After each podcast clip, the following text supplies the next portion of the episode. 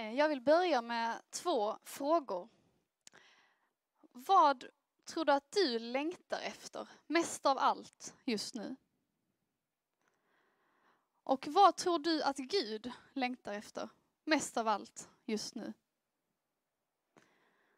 Vi släpper de frågorna och eh, återkommer till dem senare. Men har ni någon gång suttit med en chipsskål i knät och kollat på en serie och blivit törstiga? Problemet är uppenbart. Man orkar inte gå och hämta vatten. Så ni vet, man är törstig, man tar ett chips till. Man blir lite mer törstig. Man tar en bit chips till. Chips är gott. Det hjälper inte jättemycket mot törst. Men man tar ett chips till. Det störiga är att hela tiden medan man äter de här goda chipsen så måste man samtidigt jobba lite på att ignorera den där lilla, lilla rösten någonstans i bakhuvudet som försöker säga till en någonting jobbigt om att man fortfarande är törstig och att man kanske skulle ta tag i sitt liv och gå och hämta vatten. Jag vet inte hur det är med er, men sån är jag i alla fall. Och jag tror att det är ganska typiskt oss människor. Och jag tror att det inte bara är att vi väljer chips istället för vatten, utan vi fungerar så även på ett djupare plan. Vi gör någonting som inte egentligen motsvarar vårt faktiska behov. Vi gör saker trots att de inte leder mot det som vi egentligen längtar efter. Istället är det typiskt oss människor att vi gör val utifrån den input vi råkar ha omkring oss. En chipsskål. Eller, oj jag fick en snap, jag kollar Snapchat. Eh, eller utifrån ens egna top of mind. Jag är super inne i vännerserien, jag kollar på ett avsnitt till. Eh, eller nu tittar jag på telefonen, ja men jag gör det lite till. Scrollar vidare. Och så lever vi på och låter livet rulla.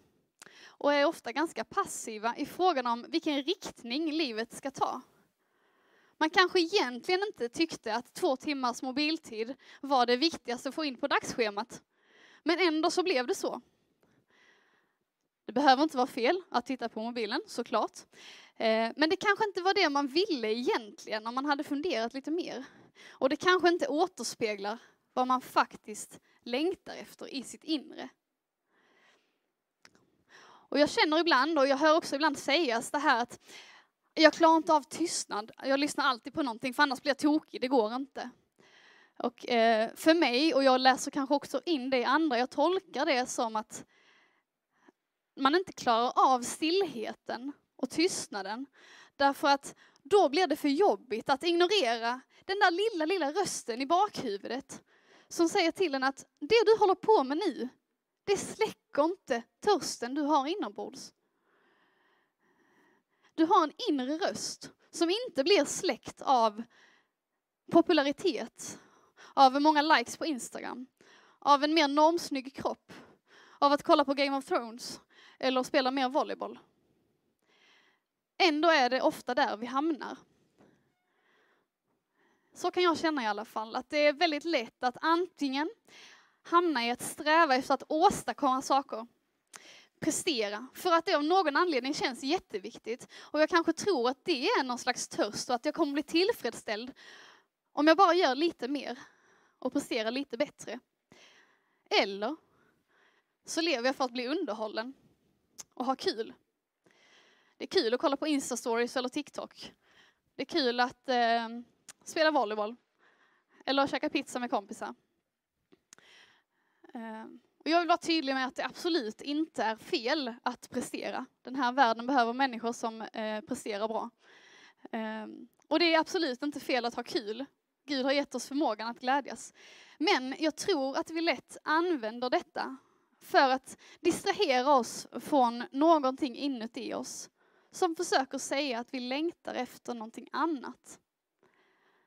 Ehm, någonting som motsvarar att dricka vatten istället för att äta chips. Och jag tror att den längtan är urgammal och allmänmänsklig. Och det är intressant för att alla andra behov vi människor har kan motsvaras av någonting som kan släcka det behovet. typ hunger kan släckas av mat. Och vi har också törst, trötthet, social kontakt, närhet och så vidare. Behov som vi ganska lätt kan matcha med någonting i den här världen. Men den här törsten verkar finnas kvar, vad vi än försöker släcka den med. Varför finns då det här behovet? Det pekar för mig på Gud. Det verkar rimligt att vi är skapade med ett fundamentalt inre behov av gemenskap med vår skapare. Vårt ursprung och vårt mål. Ett behov som på många sätt har gått förlorat. Jag tror att det bara är Gud som på riktigt kan släcka den törsten. Och Jesus han vänder sig till oss och till den här törsten idag i texten som vi ska läsa. Eh, och vi kan slå upp, eh, de som har bibel, Johannes evangeliet kapitel 7, vers 37 till 38. Eh, och det är Jesus som eh, pratar där och eh, han befinner sig på tempelplatsen och det är under en judisk högtid. Och det står så här. Det är alltså liksom, det är mycket människor omkring honom. Och så står det, på den sista dagen, den största i högtiden, stod Jesus och ropade, om någon törstar, så kom till mig och drick. Den som tror på mig, ur hans innersta ska strömmar av levande vatten flyta fram, som skriften säger. Jesus gör alltså anspråk på att kunna släcka den törst som Gud har lagt ner i alla människor. Jesus vill erbjuda oss någonting annat, någonting djupare, än allt det som vi jagar och söker på annat håll. Jag tror att Jesus vill släcka vår törst med sin frid. Och det är min första poäng som jag vill skicka med er ikväll.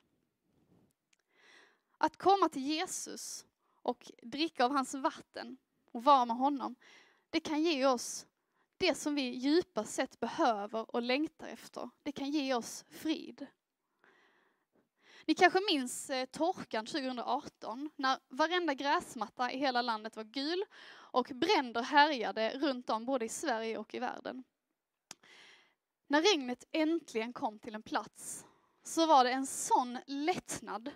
Det, det riktigt kändes hur både människor och naturen var andades ut i ett äntligen, en väntan var över.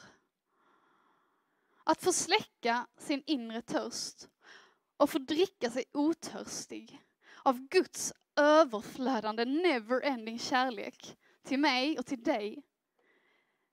Det är ett äntligen som kan få stilla vårt ständiga jagande och vi får vila i tillfredsställelse inför Gud. Jesus säger i texten, den som tror på mig, ur hans innersta ska strömmar av levande vatten flyta fram, som skriften säger. Och det finns många ställen i Gamla Testamentet, alltså skriften, som tar upp det här temat. Men vi ska dyka ner lite grann i Jesaja kapitel 55. Vi kommer återkomma till det här kapitlet. Och jag läser eh, de första verserna där. Hör på, alla ni som törstar. Kom hit till vattnet och köp säd och ät. Ja, kom hit och köp säd utan pengar och för intet både vin och mjölk. Alltså, Gud vill ge oss av det som kan mätta och släcka törst utan pengar. Bara för intet, helt gratis. Och texten fortsätter. Varför ger ni ut pengar för det som inte är bröd? Era inkomster för det som inte kan mätta. Det verkar som att vi inte är den första generationen som håller på så här. Eh, varför håller vi på att jaga efter det som vi inte egentligen behöver? Det som inte kommer tillfredsställa våra behov. Det kommer mer. Hör på mig så ska ni få äta gott och njuta av utsökt mat. Gud vill liksom inte bara göra oss mätta utan han vill också ge oss något gott, njuta av utsökt mat. Gud är så god. Han fortsätter, böj ert öra hit och kom till mig. Hör så får er själ leva. Jag vill sluta med er ett evigt förbund. Ni ska få den trofasta nåd som jag lovade David. Gud säger att vi kommer att bli mättade genom att lyssna på honom och genom att komma till honom. Och det är helt gratis. Det är nåd. Han är ganska god. Några verser senare, i glädje, nej, med glädje ska ni dra ut, i frid ska ni föras fram. Tänk att vandra genom livet med glädje och frid som grundton till hela tillvaron. Vågar vi tro det om Gud? Att ge Jesus en chans till detta kräver inte att vi ska ha en jättestark tro på honom innan vi kan närma oss honom. Han börjar inte med att säga om någon tror på mig och törstar så kom till mig och drick. Utan han säger bara om någon törstar så kom till mig och drick. Du är välkommen att prova närma dig Jesus och dricka av hans vatten. Då kanske tron kommer efterhand. Och så småningom kommer vattnet att flöda fram. Jag brukar tänka på det som att vi får ställa oss under Guds vattenfall. Vi kanske försöker skrapa ihop lite dricka på andra håll genom att hämta några droppar här, några droppar där. Någonting som kan fylla oss och göra att det känns bra just nu. Fler mål på fotbollsplanen, några snygga outfits inför höstterminen eller vad som helst. Eh, en kick som känns nice och värd ansträngningen. Men de dropparna tar snabbt slut och jakten på nästa grej börjar. Istället för att jaga runt på alla möjliga olika håll så kan vi helt enkelt gå till den som har gjort vattnet från första början och som har skapat vår törst. Vi törstar efter Gud, efter Guds kärlek och efter en identitet som går bortom våra prestationer. Vi törstar efter något som ger vårt liv en riktning och ett sammanhang på ett mer existentiellt plan än vad kompisgäng och utbildning kan ge. Vår törst är som ett nyckelhål i vårt inre. Där Gud är den enda som faktiskt har nyckeln och kan öppna. Och inte bara försöka peta in någonting genom nyckelhålet. Jesus vill ge oss frid. Han är så god. Vi kanske inte riktigt fattar hur, hur djup frid han vill ge oss och vad det kan få revolutionera vår tillvaro. Men det är inte bara det. Det kommer mer. Och nu kommer vi in på min andra poäng. Att Jesus ger oss vatten som förvandlar. För vad händer när strömmar av vatten flyter fram? Vi återkommer till vad skriften säger och läser Jesaja 55, vers 13. Där nu törnsnår finns ska cypresser växa upp. Där nässlor står ska myrten växa upp. Alltså Bibeln älskar bilder och metaforer och det är inte alltid helt lätt. Alltså vadå cypresser och myrten, vad menas med det? Jag tror att poängen för oss är att saker i våra liv kan vara som törnsnår och nässlor och det tror jag vi fattar. Alltså växter som sticks och bränns och är allmänt räliga. Eh, det kan förvandlas till någonting fantastiskt och vackert och bra. Och vi kan ta en titt på vårt liv, på vårt inre, på vår livssituation. Och i våra ögon kan det se riktigt illa ut. Men prova att bjuda in Gud. En eh, snubbe från 1300-talet liknade vårt inre och alla våra svagheter och brister vid gödsel. Och han sa så här. Hästen producerar gödsel i stallet. I sig själv är gödseln vidrig och förpestar luften. Men hästen släpar med stor möda ut gödslet på åkrarna, där den får dyrbar skörd av fint vete och utsökt vin att eh, växa. En skörd som inte skulle blivit så god utan den där gödseln. Alltså våra fel som vi skäms över och inte lyckas bemästra, det är som gödsel. Och om vi lägger gödseln i Guds viljas åker och kommer inför, inför Gud med det och låter honom ta över, då kan till och med det få bära frukt. Gud är så god att även det onda kan ge god välsignelse. Jesu liv är eh, ett enastående exempel, om jag får säga det själv. Själv, inte jag. Men, eh, människor ville honom så fruktansvärt ont. Han blev torterad och dödad. Det är ren ondska. Men detta banade vägen för segern över döden, för att vi människor ska kunna leva i gemenskap med Gud för evigt. Snacka om det högsta goda. Om Gud kan använda sån ondska till något så stort och om Gud kan använda, ursäkta uttrycket, bajs för att göra fantastiskt god mat så kanske han kan förvandla även vår livssituation och få även de illaluktande bitarna att bidra till någonting bra. Det högsta goda som Gud vill ge oss kan ofta vara långt mycket bättre än vad vi kan ana. När vi bara tittar på det där gödslet. Det är svårt att föreställa sig att en gödselhög kan få bli majskolvar och paprikor. Och när lärjungarna såg Jesus hänga på korset så kunde de absolut inte ana att det som höll på att hända var att Jesus beredde alla människors frälsning. Vattnet kan förvandla vår situation. Och vi får lita på att Gud har en plan, även när det ser sämst ut. Gud är så mycket högre än oss. Men det handlar faktiskt inte bara om vår nuvarande situation. Även det som har varit kan förvandlas. Visst låter det konstigt? Historien är redan skriven. Det som har hänt har hänt. Men ni vet ju hur det funkar. Rent vatten på såren kan hjälpa till i en läkningsprocess där vi får bearbeta, förstå, förlåta och befrias. Man kan ta extrema exempel som ni kanske känner till Sebastian Staxet. Eh, där hans tidigare liv med kriminalitet, våld och droger faktiskt nu är till välsignelse. För att han når ut på ett helt otroligt sätt till människor i en liknande situation.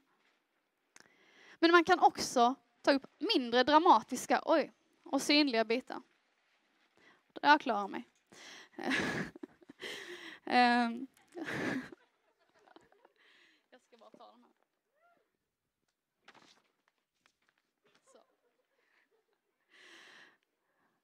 Så. Mindre dramatiskt. Det kan också handla om mindre dramatiska och synliga bitar. Som att förlåta sina föräldrar för de brister som de med all säkerhet har. Och som kanske har upp, påverkat uppväxten negativt. Det kan befria oss från bindningar, från vrede, från bitterhet och smärta. Och vändas till välsignelse på olika sätt. Gud är så god. Och det här är kanske inget som sker på en kväll. Men det är ändå någonting som Gud vill göra. Han vill förvandla vårt nu. Och han vill förvandla vårt då. Och han vill förvandla vårt sen. Och nu kommer vi till min tredje och sista poäng. Vattnet fortsätter att forsa.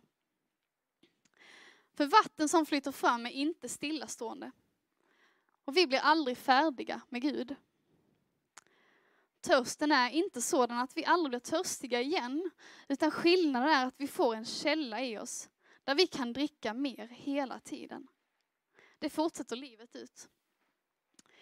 Det kristna livet, och det här har ni hört många gånger, det här läget. Det kristna livet handlar inte om att nå fullständig kunskap, utan om att leva i fullkomlig kärlek. Och någon som har en fullkomlig kärlek blir inte mätt på att vara med sin älskade. Det hör till kärlekens natur, att aldrig upphöra att längta, aldrig hejda sig i sin iver att få vara med sin älskade. En sån osläckbar kärlek har Gud till oss. Och Jesus längtar efter att vi ska komma till honom. Han ropar ju kom till mig. I ett av ELUs sommarprat från i år så pratar Miriam om förlåtelse. Och om att förlåtelse, det är någonting som bara är egentligen upp till en part att ge. Den som har blivit sårad. Ehm. Men att bygga upp relationen igen och förtroendet, det kräver båda parter.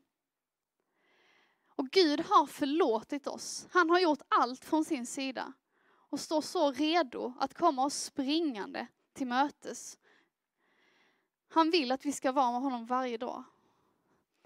Ehm, så att vattnet i vårt inre ska fortsätta att forsa. Och vi får både ta emot hans kärlek varje dag och ett gensvar av kärlek får växa fram tillbaka. Kärleken växer ju mer den får matas. Men vattnet som Jesus säger kommer att flöda fram från vårt inre om vi söker honom. den kommer nog oftast inte som en tsunami. Det är inte så många som har ett superomtumlande gudsmöte som i ett nu förändrar allt pang bom. Kanske börjar det mer som ett stilla regn. Som sjunker in och fuktar marken och fyller på grundvattnet. Det kanske är en liten föraning om en frid som vi märker av ibland. Och som vi vill ha mer av, så därför söker vi det på fler ställen och ibland så når vi det och sen så kanske vi inte märker av det så mycket. Men så småningom så fylls det på så mycket att vattnet börjar sippra ut. Starkare och starkare med tiden. Kanske börjar vi smitta av oss på andra. Förmodligen utan att vi själva märker det. Och så får det växa.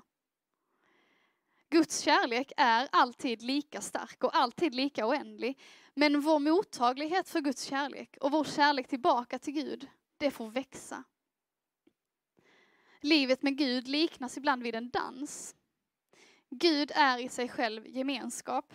Fader, son och ande har en fullkomlig gemenskap, fylld av kärlek, glädje och frid. Och vi bjuds med in i den dansen, in i Guds gemenskap. Vi får söka Guds närvaro i stillheten, i undervisning, i samtal, i lovsång, i skapelsens skönhet och precis där vi är. Nu kommer vi till avslutningen. Vad längtar du efter allra mest just nu? Ja, vad du än svarar på det så hävdar Jesus att din längtan kan bli mättad hos honom. Han ropar till dig, kom till dig, till, kom till dig, kom till mig och drick. Jesus vill ge dig frid på ett sätt som inga skolprestationer, inga följarantal eller muskler eller någonting annat kan. Och han vill förvandla, han vill förvandla ditt skit till grönska. Han vill förvandla ditt nu och ditt då och ditt sen. Och han vill att hans kärlek ska få fortsätta att forsa fram dag efter dag. Han vill gå med dig hela livet och hela vägen in i evigheten. Vad tror du då att Gud längtar efter allra mest just nu? När Jesus hänger på korset så säger han vid ett tillfälle, jag törstar. Många bibelläsare och teologer har genom historien funderat och mediterat över innebörden i detta. Törstar Gud? Har Gud en så stark längtan att det är som ett behov? Är det det som driver Jesus till korset? Guds kärlek är fullkomlig och du är hans älskade. Ja, vad och vem tror du då att han längtar efter allra mest just nu? Han vill vara med dig. Jesus ropar på oss att komma till honom. Han har så mycket gott i beredskap för oss. Vi är så välkomna, precis som vi är. Så önskade och så älskade och så efterlängtade. Och han vill verkligen ge oss av allt det goda, det högsta goda. Låt oss söka honom. Vi ber. Och tack Gud för att du är så oändligt god. Tack för att du bjuder in oss och tack för att vi får komma till dig precis som vi är. Herre, jag ber att du ska släcka vår törst. Och jag ber att du ska väcka vår kärlek. Kom med din frid, Herre. Kom och förvandla oss. Kom och låt ditt vatten flöda fram i våra hjärtan. Var med oss här ikväll och möt oss precis där vi är. I alla tankar vi har, alla känslor, allt vi bär med oss. Kom och möt oss Gud med allt ditt goda. I Jesu namn. Amen.